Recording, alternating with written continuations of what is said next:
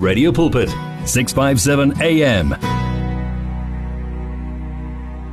o hlotse lefu o hlotse lebitla wa phela re re a hororiswe bitso la hae GBR worship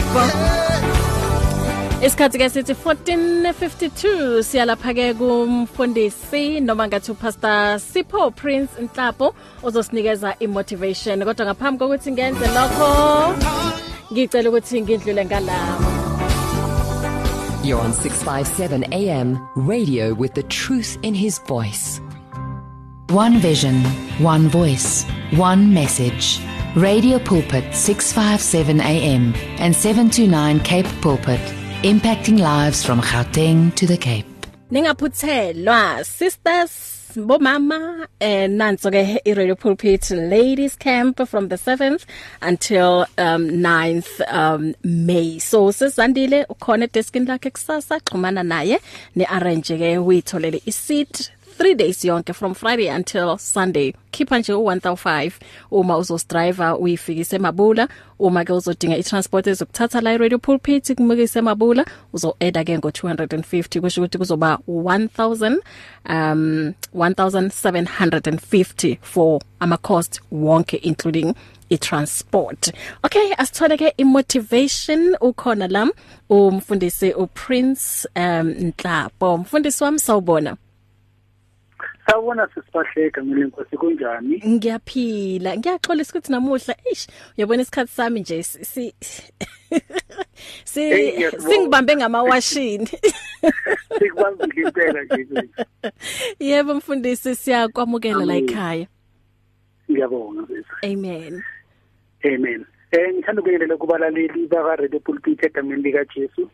Eh ngaphandle kokuchitha isikhathi umfundisi uthapha okhulumayo kulamaviki andlulile we looked at indaba yesihloko esithi is time for expansion and uh, the text that we are using or that we are using uh, is in the book of second kings chapter 7 verse 1 to 7 lapho sithola khona the sons of the prophets ebebaholwa uElisha behleli endaweni encane and then they saw a need for expansion and therefore there are four things esisitholayo nje ngenxa yesikhathi kuleyo text number one we find ukuthi they saw the need for expansion number two they saw a, eh, a need to act upon the need or rather action was key to them number 3 they saw the need to commit or there was a need to commit to the task at hand and then lastly leadership within the context of mentorship and coaching therefore last week sihlalile kancane nje sathi ujula endabeni ekhuluma ngeexpansion then we learned ukuthi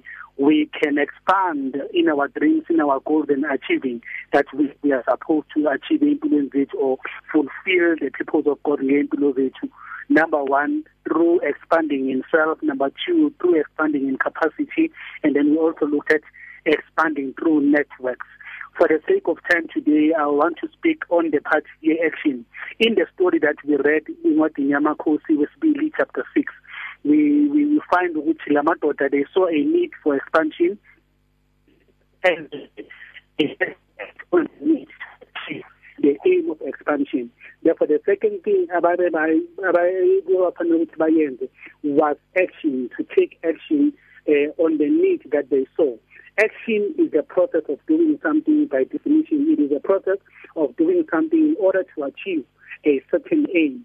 Now, the need that they had informed the vision, which is the ability to see beyond what meets the eye, and it inspired a plan that is strategic zanti into eyigoal ebekufanele bangenelele kuyo ukuthi bayenze lokufaka bakwenze kuphumelele now in expansion we need to understand ukuthi in order for us to expand we must take action these guys they needed to put the action in plan which means they needed to implement nothisa ukuthi kubalulekile understand ukuthi without implementation any plan is reduced to a wishful thinking ngamanye amagama we can never expand ourselves without implementing that which we are planning ungahlali neplan nje elihle ungalimplementi implement that which you have to no matter ungaqala on a smaller scale on a lower level or lower lower scale all you need to do is to implement the plan and then your plan will grow gradually and it will expand into a bigger uh, ball and you will become a, uh, a person who fulfills their dreams and their vision. Now, in most cases, we have good ideas, even brilliant plans, you know, but failure to put them in action keep us trapped within our limitations.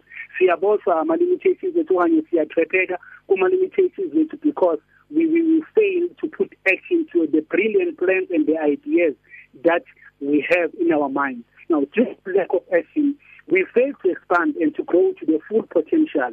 There are three critical weaknesses that I would love to bring across namhlanje. Um, number one, we find the four lepers who made eight decisions. They made eight decisions when they were outcast, when they had limitations, when isizwe sasindlula e, esikhathini sobunzima they made a decision to expand and to confront their fears uma sihlala siyafana noma singena ekamu lama-aram sizofa na kodwa okubalekile was the decision that they made the turning point as a person on a proof as a person on ama plans ukuthi ufuna ukwafulfila you need to understand what in doing in taking an action you need to make a decision the second person the woman with the issue of blood ibhayibheli lisifundisa ukuthi sibhithe mind enhliziyweni yakhe ukuthi uzobamba umphetho wengubo kajesu that is determination number one you need to decide number two you must be determined ukuthi wenze lokho ofanele ukwenze determine in your heart determine ukuthi uzimisele ukuthi uzokwenza and the last question i want to bring across is uGideon iBhayibheli lithi uGideon he dedicated himself to the call and to the purpose kaNkuluNkulu uNkulunkulu emkhetha ukuze ahlele or akanye ahlunge ibutho elizomela isizwe saba-israyeli number one decide number two determine ukuthi uyakwenza kwenzeke number three dedicate yourself okwesithathu engifuna ukukhuluma okanye the last the, the other topic i just want to dive in quickly is commitment to the task commitment to the task they were all involved in the work of gathering wood for the expansion of the house they also committed at the work to the work at hand Now, the goal of expansion uh, uh, will not be possible if they did not commit and focus on the work at hand. Nothing is nothing works if you do not work on it. I want you to notice that nothing works if you do not work on it. I want to just bring across three things and then process the ibamba one I'm trying. Number one, in committing to the task, keep the following in mind. One, be willing to confront the fears of failure. Learn to understand that failure does not always mean defeat. it is a learning curve for you to do better next time. Don't give up because you failed the first time. Go back and do it again. And ultimately, you will succeed and make it. Number two, be consistent. Commitment in, in, to working hard and consistently towards fulfilling your dreams and goals. And goals. Commit to that. Commit to working hard and consistently uh, towards fulfilling your dreams and goals. It is only through consistency and diligence that we will be able to expand ourselves to to, to the full potential yempilo yethu number 3 be passionate about your dreams be passionate about what you are working on passion is a fuel that ignites the desire to work hard ifana nepetrol emotweni imoto ngaphandle kwepetrol ngeke yakhona ukuhamba iyadinga amafutha la ukuze ihambe ikwazi ukuaccelerate to a place of destiny to a place of greatness to a place of fulfillment therefore nawe as umuntu onephupho okanye onezinhlelo ofuna ukuzenza kwamele ukuthi uvuselele ipassion yakho and make sure that it does not fade or die away the more you succeed eh you eh, eh, in your experience or the experience oyitholayo it will cause you to increase in your practice the more success you become successfully become the more you will increase in your passion okugcina nje sisibahle where there is passion limitations do not exist lapho kukhona ipassion khona mm. ama limitations awa exist wow. therefore you will be able to stretch yourself beyond any limitation. Alcohol limitation that mm. can stand a barrier that mm. can stand between you and your dream when you have ignited the passion that is on the inside of you. Mm. Nalawo mazwi isifathi ngithanda ukuthi ngibambe lapho namhlanje kodwa ke kunesicelo engithanda ukusenza esokuthi I have written a, a booklet on this subject time for expansion. Mm. Uma ngaba abalaleli bangathanda ukuthi babe nayo ngicela ukuthi bangithinte ku WhatsApp kule number lena ethi 065 9966 730 they can either send a WhatsApp on that number I will send via WhatsApp or they can email me their email they can send their email addresses on that WhatsApp number but the the, the booklet will be released next week Sunday after our motivation wow wow so kusho ukuthi next week eh bangakwazi ukuthi ke bayithole after your motivation ah Yes. Ah mfundisi thank you so much kuyisipho esikhulu ngempela leso ubongani the author uthi man's stretched mind with a new idea cannot go back to its original dimension #it's time for expansion siyamthanda yeah uthi siyamthanda umfundisi eh okhulisayo uthi yeah from um, umyalezo lo uphuma kubongani the author thank you so much mfundisi eh ngale mfundiso enhle ngale motivation enamandla ngiyacabanga ukuthi ke ukuzwa eh, lolu daba abantu bazoqala manje bathathe ama steps akukho ukubuyela emuva uma uyiqalile into qhubeka nayo until yes, yes until ekugcineni so uma bone idea it's time now ukuthi uthathe iaction amen amen eh ku social Alleluia. media sikuthola kuphi mfundisi ku social media ngitholakala ku Facebook ngitholakala ngegama elithi Sipho Prince Mhlapho mhm.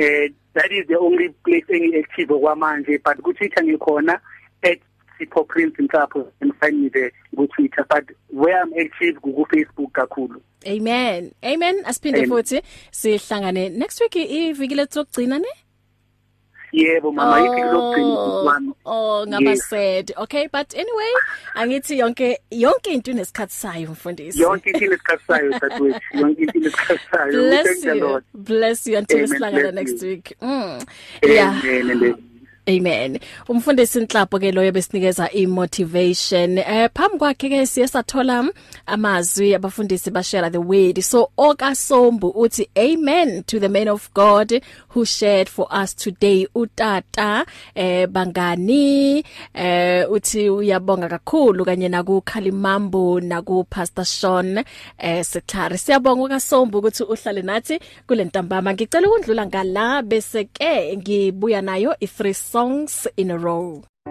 It's difficult to face the overwhelming pressures of life alone.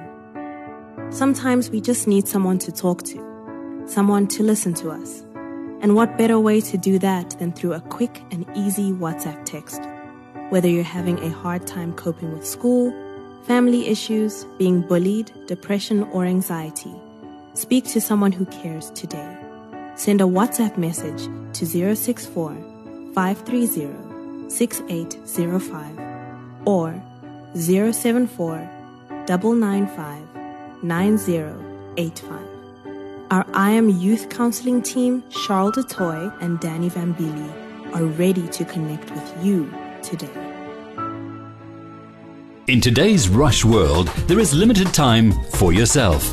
Your cell phone, however, is with you all the time. So why not use it? Visit our Radio Pulpit website with your cell phone and restore your soul. There you can find out more about Radio Pulpit, download the Bible to your cell phone, read Word for Today, and you can listen to us online. Just visit www.radiopulpit.co.za. Especially developed for your cell phone. Radio Pulpit, your daily companion. You and 657 AM and life, a winning team on the road to eternity.